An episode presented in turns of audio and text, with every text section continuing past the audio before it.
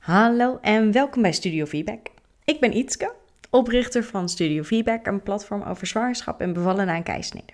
In deze podcast deel ik mijn eigen ervaringen, mijn kennis als doula, maar ook inspirerende ervaringsverhalen en informatieve expert-interviews met als doel een positieve bijdrage te leveren aan jouw persoonlijke feedback journey. Een van de onderwerpen waar ik vaak vragen over krijg is de vaginale bevalling na twee keisnedes. En veel zwangeren denken ook dat uh, na twee keisneden in de voorgeschiedenis je automatisch bij een volgende zwangerschap een geplande keisnede moet. En de statistieken en de richtlijnen daarbij zijn echter anders dan de reputatie van die VBA2C en vaginal birth after two cesareans doet verwachten.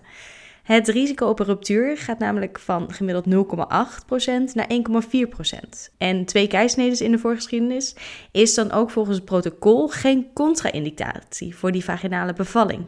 In aflevering 5 van de Studio Feedback podcast hoorde je al het ervaringsverhaal van uh, Vivian. Over haar uh, vaginale bevalling na twee ongeplande keisnedes. En ik vond het hoog tijd om uh, een tweede aflevering te maken over dit onderwerp. Mijn gast van vandaag, Anne, is doula en ervaringsdeskundige op dit gebied. Hartelijk welkom, Anne. Dankjewel. Ja. ja superleuk dat je je verhaal wil delen. Uh, maar wil je beginnen met iets over jezelf te vertellen? Ja, dat is goed. Uh, nou, jullie hebben het net al gehoord. Ik heet dus Anne, Anne Salet. En uh, ik ben mama van drie kindjes, Abel, Kaat en Toon. De oudste is inmiddels zeven en uh, dat is Abel. Dan heb je Kaat, die is net vijf geworden. En Toon, die is drie. Um, en daarnaast ben ik ongeveer zo'n twee jaar nu werkzaam als doula. En dat is ook ontstaan natuurlijk vanuit mijn eigen zwangerschap, zwangerschappen en bevallingen. En dat is prachtig om te doen. Dus uh, ja, ja, dat ben ik een beetje. Oh ja, ik kom uit de omgeving Nijmegen. Ja, inderdaad. We zeiden net in het voorgesprek al super fijn dat er in die uh, regio ook uh, wat doula's, in ieder geval ik ken er nu één, actief is. ik krijg vaak berichten van, ken je iemand daar, ken je iemand daar? En nou ja, mocht iemand een doula in Nijmegen, check, check. Yes, yes. We gaan het hebben over uh, je, je, de drie geboortes van je, van je kinderen. Ja. Waarvan dus de oudste twee met een, uh, een keisnede zijn uh, geboren. ja, zijn ja, geboren. Zeker, ja. En de, de derde vaginaal. Mm -hmm. um, ja, in het kader van tijd moeten we denk ik een beetje uitkijken dat we niet te veel in, in elk verhaal gaan. Maar ja, elk verhaal draagt toch gewoon bij aan jouw feedback journey. Dus ja, waar wil je om beginnen? Ja, ik denk dat ik toch begin bij het eerste verhaal. En dat is de geboorte van Abel, uh, van ons eerste kind. En ik zal proberen een beetje de speerpunten eruit te halen. Want het is een hele, het is een hele lange uh, bevalling geweest. Dus veel te vertellen, maar ik probeer het een beetje bondig te houden. Um, nou, ik was dus zwanger van Abel 2015. En um, toevallig wordt hij deze week wordt hij zeven. Dus voor mij heel bijzonder om daarop terug te blikken. Um, nou, we hadden ons voorbereid op een thuisbevalling. Verschillende cursussen gedaan. En stonden vol vertrouwen uh, daarin. Hadden er heel veel zin in. De bevalling begon ook thuis. En de sfeer was heerlijk. Helemaal je eigen bubbel. Uh, muziekje aan. Kaarsjes aan. Nou, gewoon fantastisch. Um, nou, de verloskundige kwam verschillende keren langs. En nou, het ging eigenlijk heel erg langzaam. Um, de ontsluiting vorderde maar heel traag. En ik denk bijna na een dag uh, had ik nog steeds maar uh, 7 centimeter ontsluiting uiteindelijk. Dus dat is toch best wel mooi. mooi aantal. Maar ik was al een hele dag bezig en dus ook al aardig vermoeid. Um, en uiteindelijk heeft toen de verloskundige gezegd van uh, we gaan uh, jouw vliezen breken om te kijken of het dan iets sneller gaat, want anders ja, raak je uitgeput. Dat had ze gedaan, maar helaas uh, maakte dat niet zoveel verschil uit en bleef het eigenlijk uren nog doorgaan op 7 centimeter en zag, zag ze geen verschil. En dat in combinatie met de rugweeën die ik had, die ook maar dat gevoel van die weeën bleef maar hangen, ook tussen de weeën door. Dacht ik van ja, dit gaat niet. En de verloskundige heeft toen voorgesteld om naar het ziekenhuis te gaan. Um, ja, en daar draaide eigenlijk alles om, voor mijn gevoel. We reden daar naartoe.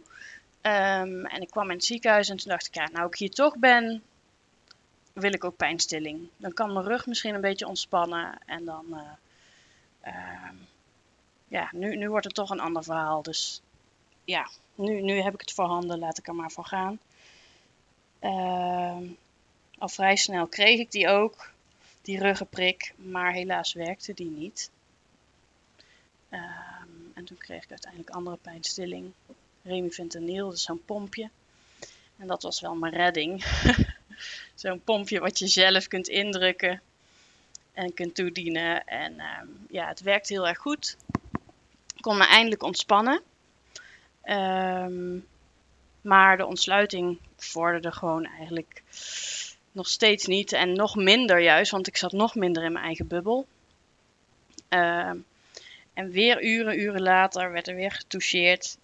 Uh, en zat ik nog steeds maar op 8 of op 7 of 8 centimeter. Um, en eigenlijk werd er constant weer gekeken hoe ver ik was. En dan kreeg ik weer het bericht van nee, het is niet gevorderd. Als het over een uur niet uh, verder is gekomen, toen zat ik al op 9 inmiddels, dan uh, gaan we toch een keizersnee doen, want dan is er misschien iets anders aan de hand. Ze zijn er in de tussentijd ook achter gekomen dat hij een sterrenkijker was. Dus waarschijnlijk had dat, ja, was dat een van de redenen waardoor het ja, langzamer verliep dan wat je normaal gesproken zou zien. Um, ik was ook uitgeput en moe. Maar toen ze dat zeiden van we gaan over een uur nog een keer kijken en dan moet het gevorderd zijn, dacht ik oké, nu ga ik ook alles op alles zetten. Ik heb toen gevraagd of mijn man en mijn moeder, want die was erbij, uh, maar een beetje wilde opfrissen, mijn haar weer goed gedaan. Uh, weet je wel, mezelf, ik gaf mezelf een beetje een pep talk. En um, ja, ik dacht ik ga er gewoon voor. Dadelijk heb ik gewoon 10 centimeter en dan mag ik gewoon gaan. Ondanks de vermoeidheid, toch jezelf weer bij elkaar rapen en weer verder gaan. Um, nou, en toen hebben ze getoucheerd en toen bleek het dus nog steeds 9 centimeter te zijn. Ja, toen stortte ik in natuurlijk. Het zou een keizersnee worden en uh, ja, dat was het. Voor mijn gevoel. Um, tegelijkertijd was ik ook blij dat er iets ging gebeuren, want het duurde al zo lang. Um, maar vanaf dat moment kreeg ik enorme persdrang. Ja, nee, oh. ja. nu achteraf denk ik daar ook anders over. maar um, ik kreeg enorme persdrang en ik moest heel lang wachten tot de OK vrij was. Dus ik moest die persdrang wegzuchten en mocht hem niet toe, toelaten. En dat stuk is voor mij echt wel uh, ja, heel pittig geweest. Dat is denk ik ook hetgene waar ik nu nog ja, wel moeite mee heb om daaraan terug te denken. Um, ja, het voelde heel paniekerig. Ook wel een beetje alleen. Het overvalt je een beetje als je dan persdrang krijgt en je er eigenlijk niks mee mag. En uiteindelijk pas na anderhalf uur was er een plekje op de OK vrij. Ja. Oh nee. Ja, dat en, en, hadden zij gewoon iets van: oké, we hebben nou eenmaal die, die keisnede-trein in gang gezet. We blijven bij dat plan. En je, of was er een andere reden dat je niet wat mee mocht uh, ja. geven? Nee, het was echt omdat het 9 centimeter was, niet vorderde, ah, mocht ik niet ja. meegeven. Er zou iets aan de hand zijn en daarom werd het een keizersnee. Achteraf gezien denk ik nu: ja, waarom kreeg ik persdrang?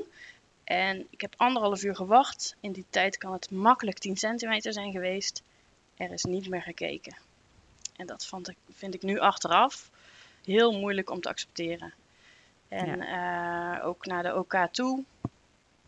Was best een pittig ritje, om het zo even uit te drukken. En ook daar werd ook niet meer ge gekeken hoeveel centimeter, centimeter het was. Dus ja, ergens denk ik, misschien had ik nog op de operatiekamer kunnen baren. Vaginaal. Als je even flink gas had gegeven. Ja. Ja. Dus dat is best wel... Ja, lastig dan. Ja. En tegelijkertijd, toen ik uiteindelijk de ruggenprik kreeg voor de operatie, was het ook meteen goed en voelde het heel rustig. En uh, ja, dat was een heel fijn moment. Dat je dan weer, ja, dat je die, die spanning in je lijf los kunt laten. En ja, dat het dan goed komt voor je gevoel. Ja, en je weet, je kindje is er dan bijna. Ja. ja. ja. enorm fijn moment om daar dan ook naar uit te kunnen kijken. Ja, dat het is echt, het is niet echt bijna. Ja, dat was echt prachtig. Ja. Ja. om, dan op, om dan op je borst te krijgen en eh, te knuffelen. En... Ja, dat was een heel mooi moment, zeker. Ja, Ja. ja. En alles was goed met je kindje? ja, alles was prima. Dus er was geen ehm, onderliggende oorzaak, zeg maar. En gelukkig was alles goed. dus we waren helemaal blij op dat moment. Ja. Fijn. Fijn. En bij de, de tweede bevalling, Ja, dacht je dan ook van ik ga, eh, ik, ik wil die geplande keizersnede? Of wilde je wel heel graag de, de feedback? Hoe zat je erin? Ja, ik dacht ik ga geen eh, geplande keizersnee doen. Ik wilde wel echt dat traject met weeën en zo weer door, doorlopen. Ehm, ik vond dat de eerste keer eigenlijk ook iets heel bijzonders. Vooral het gedeelte thuis. eh, waarin mijn lichaam er heel goed aan kon wennen. En iedere fase. Dus ik wilde dat nu weer. En ik wist eigenlijk gewoon of ik voelde aan alles dat ik het gewoon kon. Dus eh, ik, dacht, ja, dan moeten we ons er nu maar op voorbereiden dat het wel met ziekenhuis is. Eh, toen dacht ik nog niet aan een thuisbevalling na een keizersnee. Er wordt nu iets vaker over gesproken. Ehm, maar dat in 2017 was dat, ja, wist ik daar eigenlijk nog niks van. Ehm, dus we bereiden ons voor op een eh, ziekenhuisbevalling, goed geboorteplan. Eh, personeel dacht heel goed mee. En op die manier gingen we die bevalling eh, in. Wel werd er gezegd dat ik bij de eerste wee naar het ziekenhuis moest. Oh, Want een tweede bevalling zou heel snel kunnen gaan. Dus ja, wij gingen eigenlijk al vrij direct bij de eerste wee die ik voelde richting het ziekenhuis. En zodoende ehm, waren we daar en eigenlijk verliep die bevalling ook heel langzaam.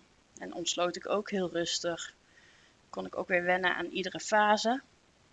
Maar wel trager dan gemiddeld. Ehm, ik dacht, ja, dit is mijn lijf, dus dat is zo. Maar uiteindelijk word je dan toch een beetje op het spoor gezet van, hé, hey, misschien toch weeopwekkers. Misschien wil je dadelijk toch pijnstilling. Ehm, beide heb ik toen uitgesteld nog. En uiteindelijk alleen wel pijnstilling genomen. Een ruggenprik. Eh, die hebben ze een keertje bijgedoseerd omdat die eh, niet helemaal goed werkte. En toen werkte die zo ontzettend goed dat ik eigenlijk niks meer voelde. Eh, wat heerlijk was, eigenlijk. Ik kon slapen, ik had geen weeën. Ehm, ja, en ik had ineens 10 centimeter. kijk. Ja, fantastisch. Dus ik dacht ook, Nou, oh, dat is wat je wil horen dan. Ja. Ja. Dus ik dacht ook, dit wordt hem. Dit, dit gaat niemand meer, meer van me afpakken. Maar vervolgens dacht ik wel van, oeh, ik voel eigenlijk niks, dus hoe moet dat dan? Ehm, ze hebben me best een paar uur de tijd gegeven in de hoop dat die weeën uit zichzelf zouden komen, de persweeën. Maar ehm, ja, ik voelde niks, dus uiteindelijk mocht ik persen op eigen kracht. En ik blufte een beetje de weeën. En ze probeerden me een beetje richting te geven, zodat ik voelde waar ik heen moest persen. Maar ja, het schoot gewoon niet op. Ze kwam niet dieper. En eh, ja, uiteindelijk is er toen ook gezegd van nou, ja, het, het lukt niet. Dus we moeten toch iets gaan doen. En dan eh, gaan we toch weer nadenken over een keizersnee. En in plaats van dat ik toen dacht, ik ga nu alles op alles zetten, stortte ik eigenlijk in. En toen dacht ik, oh shit.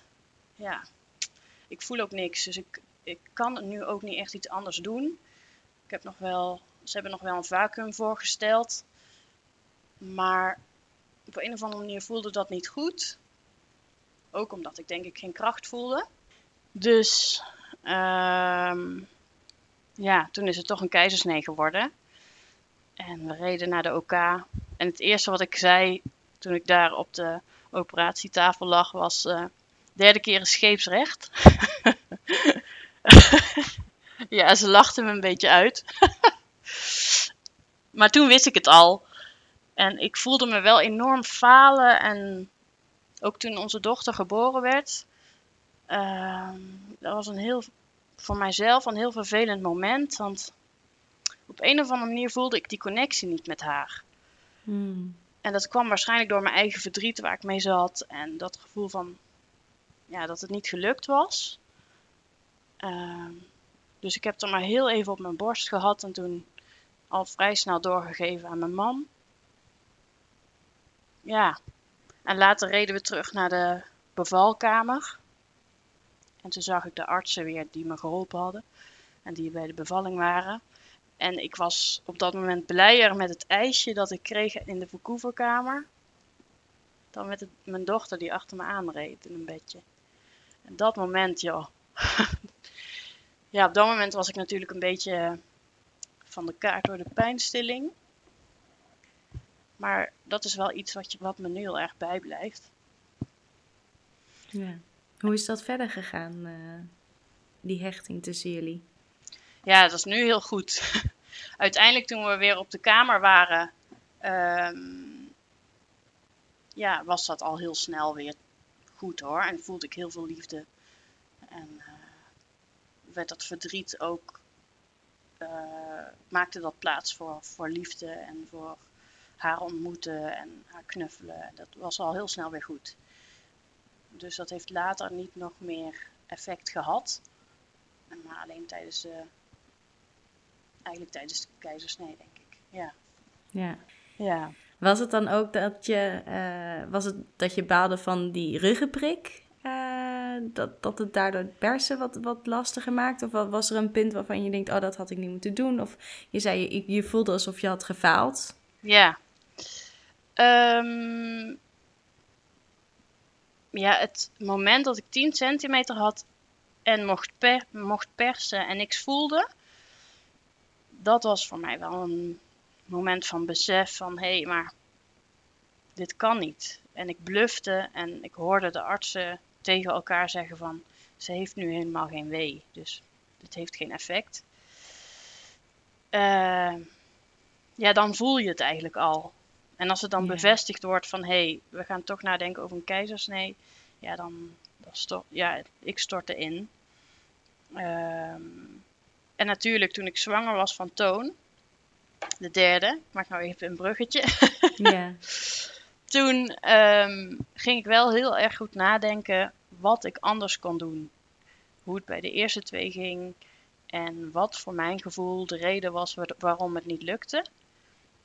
Want ik ben twee keer heel ver gekomen. 9 centimeter en bij de ander 10. Dus ik dacht, ja, waar komt dat dan door? Um, en toen dacht ik, nou, ik ga gewoon proberen vol vertrouwen er nu weer in te staan. Um, ik heb een hypnobirthing cursus toen gedaan. Samen met mijn partner, zodat hij ook wat mondiger zou worden.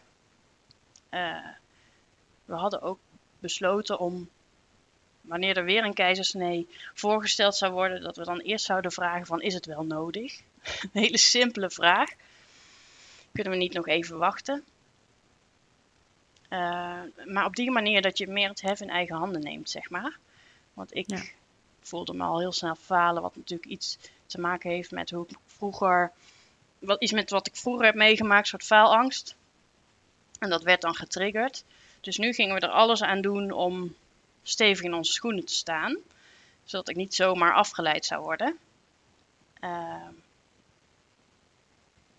en uh, ja, ik dacht ook, die pijnstilling vorige keer, die zorgde ervoor dat, uh, dat ik niks voelde. Dus de volgende keer, dit keer, zou ik sowieso zonder pijnstilling gaan bevallen. Was mijn plan. En ook zonder weeopwekkers. Dat was een aanrader van de gynaecoloog. Uh, dat is sowieso wel een aanrader als je een keizersnee hebt gehad. Geen weeopwekkers te gebruiken. Ja, dat, uh, dat kan het, het, risico op die ruptuur waar je dan bang voor bent uh, na een eerdere keizersnede dan, dan wat vergroten. Ja, klopt.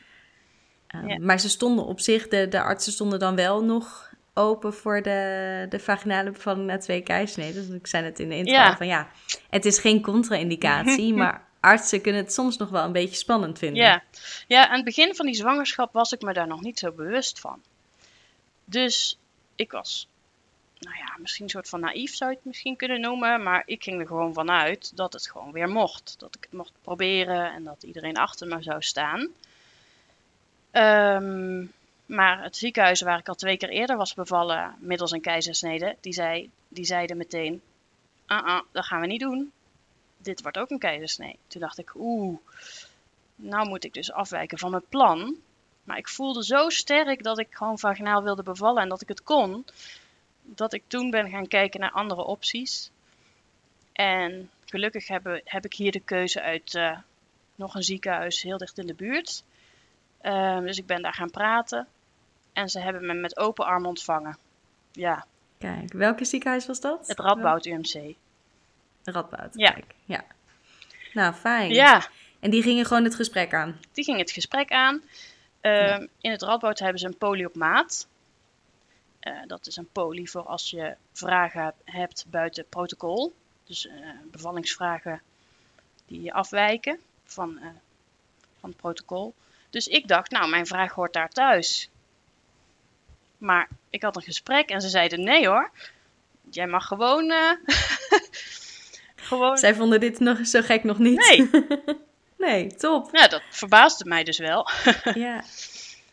Um, natuurlijk heb ik daar ook wel best kritische, kritische gesprekken gevoerd over uh, de risico's en uh, slagingskansen. dat moet natuurlijk ook verteld worden, zodat je zelf een hele goede, over, wel overwogen keuze kunt maken. wat ook wel heel moeilijk is trouwens, maar ik voelde gewoon heel Ja. sterk dat ik dit wilde. Ehm, dus uiteindelijk toch weer een gesprek gehad met een gynaecoloog en die zei: We willen nog steeds het liefst, ook al heb je twee keizersnedes gehad, dat jij vaginaal bevalt. Ehm, en dat vond ik zo mooi dat dat gezegd werd. De- Ja, er wordt ook weinig verteld over de risico's bij een keizersnede en de risico's bij meerdere keizersnedes. Dus ja, dat deze gynaecoloog dat zei, dat bevestigde zo mijn, mijn gevoel. Ehm, en toen hebben ze me hele goede tips gegeven. Eh, de vorige keer wilde ik dus pijnstilling op een bepaald punt. En nu zeiden ze: Als je weer bij dat punt komt, dat je echt niet meer kan en dat je echt pijnstilling wilt, dan ga je in bad. Kijk. Goeie, Goeie tip. tip. Ja, Ja. zei de winkel. ja. Hebben ze een doelijndienst of zo? ja. Kijk eens, nice. ja, dus echt aan het eind werd geadviseerd: je gaat pas aan het eind in bad. Dan heb je al goede weeën, dan voelt het al zo intens en dan is dat een cadeautje. Ja. En die ontspanning kan je dan verder helpen. Dat is wat ik nu ook nog steeds adviseer aan, mijn, eh, aan de vrouwen die ik begeleid. Ehm, ja, dat vond ik echt een gouden tip. ja, heel mooi. Ja. Ja. En hadden ze nog andere tips, eh, behalve de, de, ja, eigenlijk het, eh, de noodoplossing, eigenlijk wanneer je dan zeggen, zeggen ik, ik heb iets nodig, ik moet nu iets doen. Mhm. Niet ruggenprik, maar probeer eerst echt even het bad een, eh, Ja. kans te geven. Hadden ze andere tips? Ehm, blijven bewegen. Mhm. Draadloze CTG. Zodat je kunt Ook bewegen. goeie, ja. Ja. Eh, daarmee kun je ook in bad trouwens. Dus dat is ook goed. Ehm, ja, dat waren vooral de tips, denk ik. Ja. Eh, geen weeopwekkers natuurlijk, maar die zouden ze zelf dan dus ook niet geven. Ehm, ja, en die bevalling, En ik hoe- dacht zelf... ja, hoe ging die? Ja, hoe ging die? Want dit was de voorbereiding. Ja, Ehm, ja, die bevalling begon s'morgens vroeg. En eh, mijn man bracht de kindjes naar de kinderopvang, want ik voelde al dat er iets niet helemaal. Of dat er iets zou gaan gebeuren eigenlijk. Ik voelde iets, een soort misselijk gevoel in mijn lichaam, zeg maar. Dus hij bracht de kindjes weg en ondertussen belde ik hem op van. eh, nou, misschien kun je ze ook nog even de aanhanger leggen bij de stort. van die dingen nog even ja. in orde maken. En op die manier had ik dus thuis wel even het rijk alleen. En eh, ja, ik voelde dat de weeën ontstonden.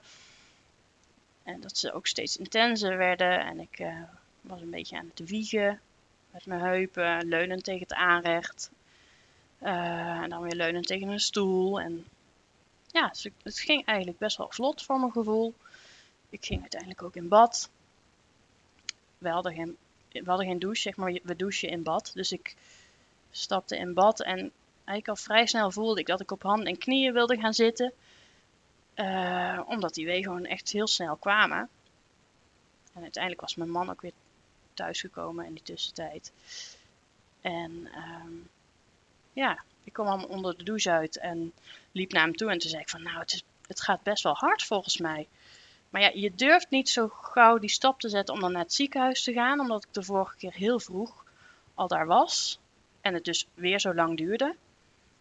Uh, maar ja, het ging zo goed dat we toch maar rond een uur of half twaalf in de middag, of in de ochtend is dat nog, uh, het ziekenhuis hebben gebeld. En uh, die kant op zijn gegaan. En in de tussentijd uh, dat we naar het ziekenhuis liepen vanuit de parkeergarage, moest ik al verschillende keren stoppen om de weeën op te vangen. Dus het was wel echt gaande, zeg maar. ja, er zat een goed tempo zat, in. Er zat een goed tempo in. Dat gaf me ook wel heel veel moed. Ik, was, ik had er heel veel zin in. Um, maar in het ziekenhuis reageerden ze er niet zo uh, snel op. Ik meldde me bij de balie, moest nog even in de wachtkamer wachten. Um, vervolgens ging ik naar een kamer, een soort tijdelijke kamer, omdat de bevalkamer waar een bad zou passen, uh, moest nog schoongemaakt worden. Uh, ik kwam binnen en ik zei ook direct, ik wil een bad en draadloze CTG. dat was voor mij heilig op dat moment. Um, dus dat zouden ze wel regelen, maar ja, er was niet zo'n haast. Ik werd ook helemaal niet getoucheerd. Normaal word je aan de CTG gelegd en gaan ze kijken hoe, hoeveel centimeter je hebt. En uh, nou ja, dan wordt een soort van de bevalling vastgesteld. Maar ik ging naar die kamer en ik kreeg wel een skippiebal, daar vroeg ik om. En uh, volgens mij had ik wel CTG om mijn buik. Ja, om die weeën te registreren natuurlijk. Maar er kwam eigenlijk niemand. Wat wel fijn was eigenlijk achteraf, want ze lieten ons gewoon ons ding doen. En mijn man gaf wel echt tegendruk in mijn rug. Uh, ik hing over die bal, die had ik op het bed gelegd en zo zat ik naast het bed, hangend over die bal. En het ging eigenlijk best wel hard. Ik voelde heel veel druk op een gegeven moment in mijn rug. En uiteindelijk kreeg ik het ontzettend heet. Al mijn kleren uitgedaan. En toen zei ik, ja jongens, er moet iets gebeuren. En toen ben ik gaan dreigen met pijnstilling. als ik nu geen pijnstilling, als ik nu niet naar mijn kamer kan en in bad mag, dan wil ik pijnstilling, zei ik. En dat wil ik eigenlijk niet. Dus kom kijken, was eigenlijk het signaal. Ja, ja. ja inderdaad, zover ben ik dat ja. ik dit punt heb bereikt. Ja. ja. Um, nou ja, dat was wel een uh, moment waarop ze eindelijk dachten: oh, laten we toch maar eventjes naar die mevrouw toe gaan. en um, toen had ik gewoon al 7 centimeter ontsluiting. dus ik was heel blij Prachtig. natuurlijk. En uh, mijn gevoel, gevoel zat dus ook goed. Uh, ik was toen denk ik een uur of zo in het ziekenhuis. Al anderhalf uur in het ziekenhuis, zoiets. Uh, dus toen zei ik ook, ja, is het bad al klaar? Want ik wil, de, ik wil erin. Uiteindelijk is de verloskundige nog gaan helpen met die kamerpoetsen, geloof ik. Omdat het toch heel snel klaar moest zijn. En toen mocht ik eindelijk door naar, uh, naar de huidige uh, bevalkamer. Kreeg ik uh, de draadloze CTG om mijn buik. Um, en toen mocht ik het bad instappen. Ik wilde eigenlijk een kamer die helemaal donker was en met sfeerlampjes en muziek. Ik had een playlist gemaakt. Uh, dus heel sfeervol, maar bij deze kamer waren de gordijnen open en de zon scheen naar binnen. En ik dacht, oh, het is heerlijk. Ik ga in dat bad. En het voelde ook echt als een soort van vakantie. Ik riep ook meteen, oh, kom maar door met die cocktail. het voelde echt heerlijk. Um, en toen zeiden hun, oké, we laten jullie weer even alleen. Uh, roep maar als er iets is. Nou, en toen zei ik tegen mijn man: uh, Pak je zwembroek maar uit je tas. Dan kun je erbij komen zitten. En hij draaide zich om, keek nog even over zijn schouder. En toen zag hij dat mijn vliezen braken. Een soort, ja, het wordt dan een beetje troebeler in het bad. En al vrij snel kreeg ik toen persdrang. Ehm, en dat was weer een punt waarin ik natuurlijk die eerste bevalling een beetje herleefde, want ik mocht niet toegeven aan die persdrang. Dus toch maar op de knop gedrukt. Toen kwamen ze en ze zagen, zagen al vrij snel aan me dat ik volledige ontsluiting had. Volgens mij hebben ze heel even, heel kort getoucheerd, maar het was al heel snel duidelijk. Dus ik mocht eraan toegeven. Oh, dat was heerlijk. Eindelijk kon ik die druk gewoon gebruiken voor iets functioneels, zeg maar. En niet wegzuchten, maar gewoon inzetten. Ja, en, heerlijk, ja. ja. Dat was echt heel fijn. Um, wel, iedereen probeerde me te coachen. Wat ook wel fijn was, maar tegelijkertijd probeerde ik me heel erg af te sluiten. En te filteren wat ik van toepassing vond en wat niet. Heel goed. En heel erg de rust te bewaren. En ook een beetje het hypnobirthing uh, uh, idee van hoe je kunt ademen toe te passen. En zo heb ik eigenlijk heel rustig die persweeën uh, gebruikt, ingezet druk gegeven. En toen dacht ik ook, oh, dat ging, het ging alleen maar door mijn hoofd. Nu gaat het me lukken. Ik kan niet meer terug. Het gaat gewoon gebeuren. Geprobeerd contact te maken met mijn kindje. Van, oh, we gaan het samen doen. En uh, je bent er bijna. En ik ga je dadelijk zien. Uh, en zo heel erg in mezelf dat moment in bad gepakt, zeg maar. En toen stond het hoofdje, werd het hoofdje dus geboren. Dat is even een, uh, nieuwe gewaarwording als je uh, dat nog niet hebt meegemaakt in een eerdere bevalling. Uh, dat is een heel brandend gevoel waar het kopje dan doorheen moet. Heel smal. Maar als het er dan is, het hoofdje, dan is dat gevoel ook weer een stuk minder. En ik weet nog dat ik ook over zo'n bolletje aaide. En volgens mij zei de verloskundige ook van druk maar mee. En toen dacht ik nee, ik neem even de tijd. Ik ga nu niet doordrukken. Ik wist dat je die tijd kunt nemen en dat je kindje niet meteen helemaal geboren hoeft te worden. En toen dacht ik ook, oh, het gaat gewoon, het gaat gewoon lukken. En bij de volgende wee zwom onze kleine man het bad in. Met zijn armen gespreid, open ogen, keek hij me aan. Ik heb hem niet meteen uit het bad gepakt, maar echt heel even uh, stilgestaan bij het moment van, daar is die, uh, wat is hij mooi.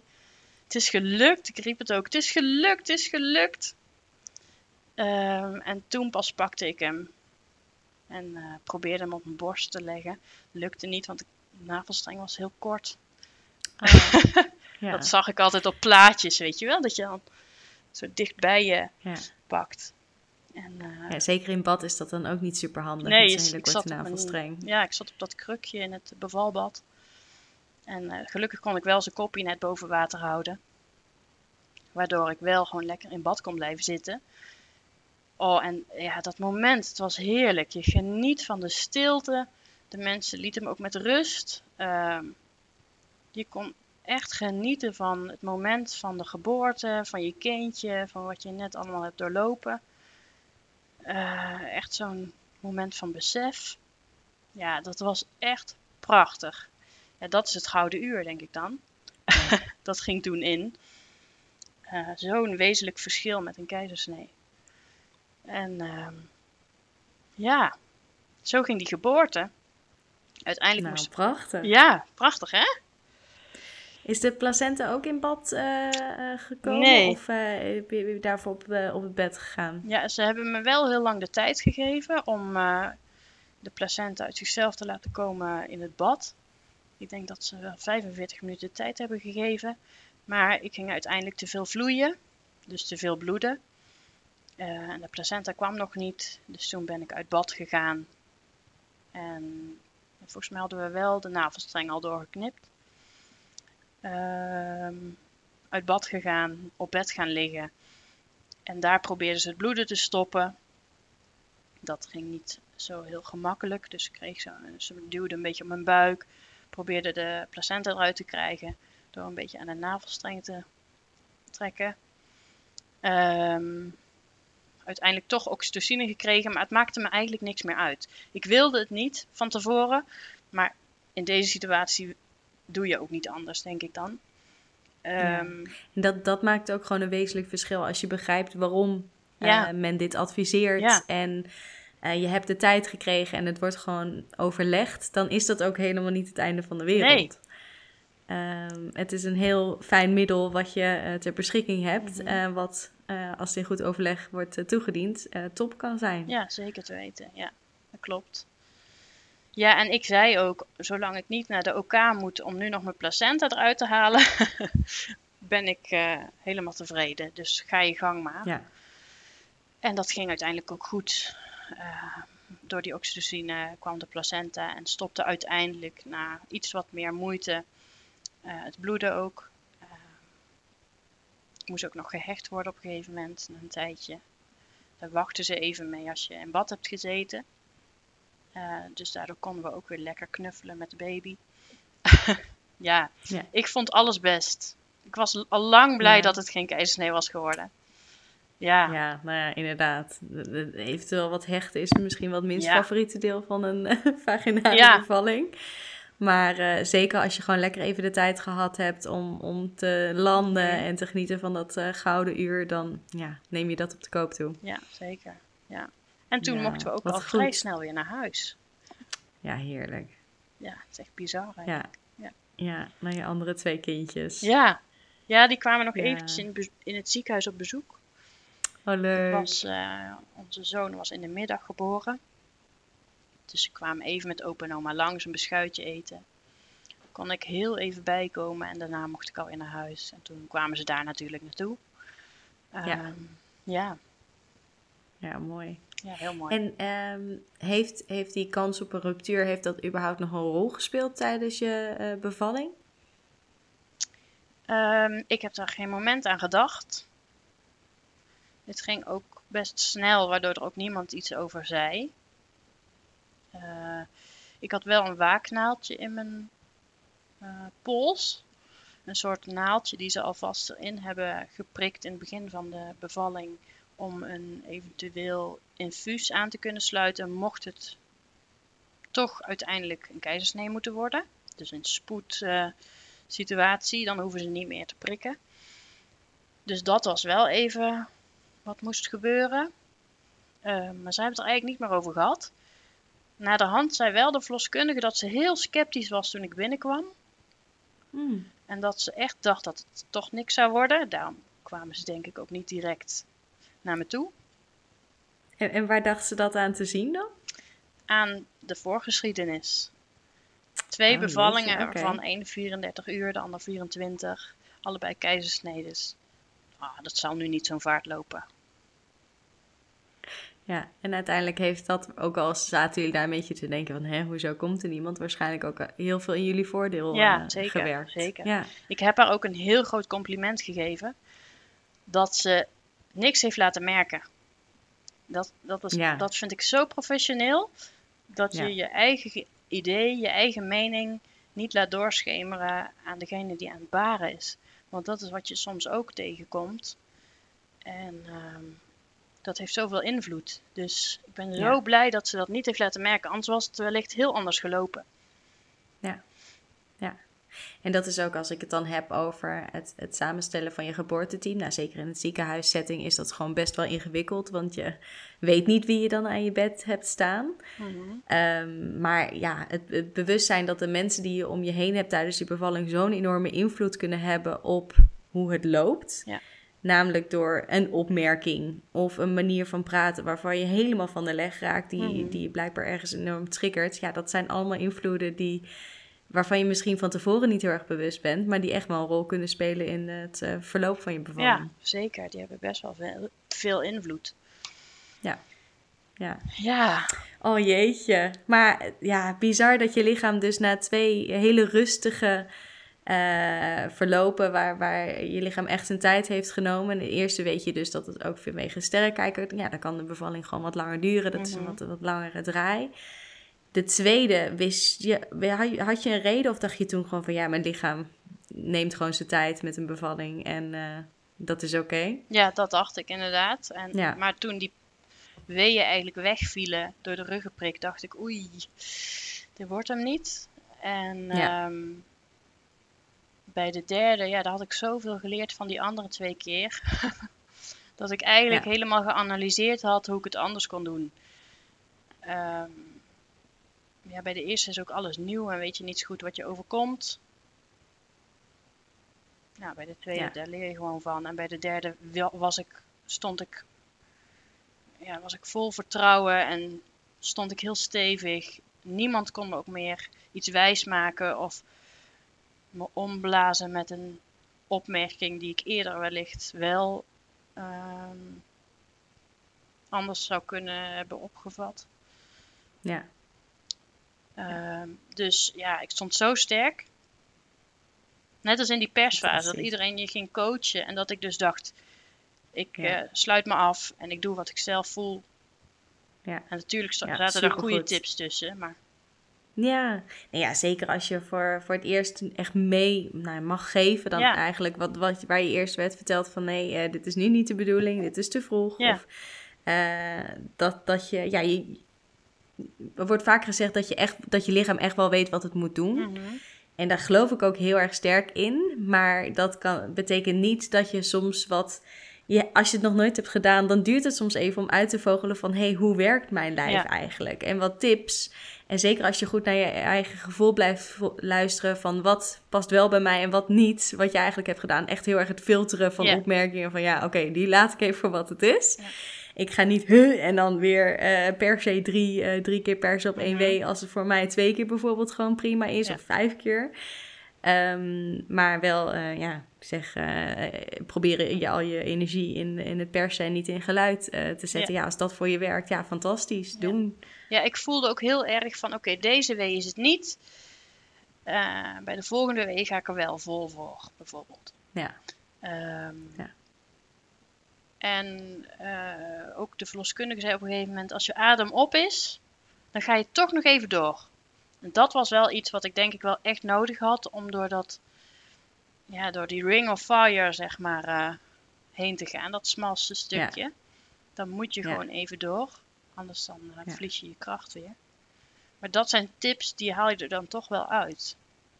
Zonder dat Ja. je helemaal afgeleid wordt van alle andere coaching, zeg maar. inderdaad. Nou ja, waarschijnlijk ook dat je lichaam denkt van, jep, dit, dit voelde goed. Ja. Dit, dit is wat er moet gebeuren. Ik voel nu die extra progressie door die, dat extra zetje wat ik hem nog geef. Mhm. Ja. Gaaf. Ja, Mooi. ja, Dankjewel eh voor het delen van je verhaal, Anne. ja, heel graag gedaan. Ik hoop dat ik andere vrouwen hierin in kan inspireren. En het gevoel kan geven van eh, als je al een keer een keizersnee hebt gehad, of misschien al meerdere, dat je meerdere keuzes hebt dan alleen maar weer kiezen voor een keizersnee. Dat mag natuurlijk, dat is helemaal oké. maar als je voelt dat je het toch anders wilt, ga dan praten met de juiste zorgverleners. Ja, Ja. ga echt op zoek naar een ziekenhuis wat je steunt. Waar het ook is in Nederland. Soms moet je misschien iets verder rijden. Maar ehm, ja, dat is het echt waard. Ja, ja absoluut. Ja.